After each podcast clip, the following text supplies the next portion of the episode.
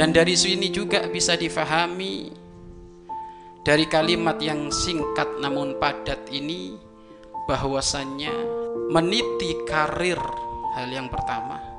Meniti karir, mencari pangkat, mencari kesibukan dunia bukanlah hal yang dilarang. Akan tetapi ada aturan mainnya. Ini satu.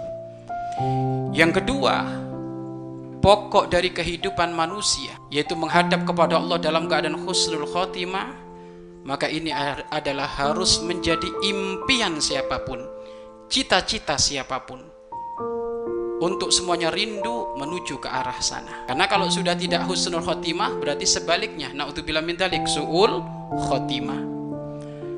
Dan yang ketiga adalah cara pandang kita kepada makhluk-makhluknya Allah maka tiga poin ini termasuk adalah inti dari seseorang dikatakan sukses nanti di akhir hidupnya di saat dia memulai aktivitas kehidupannya, aktivitas karirnya dengan kembali kepada Allah Subhanahu wa taala.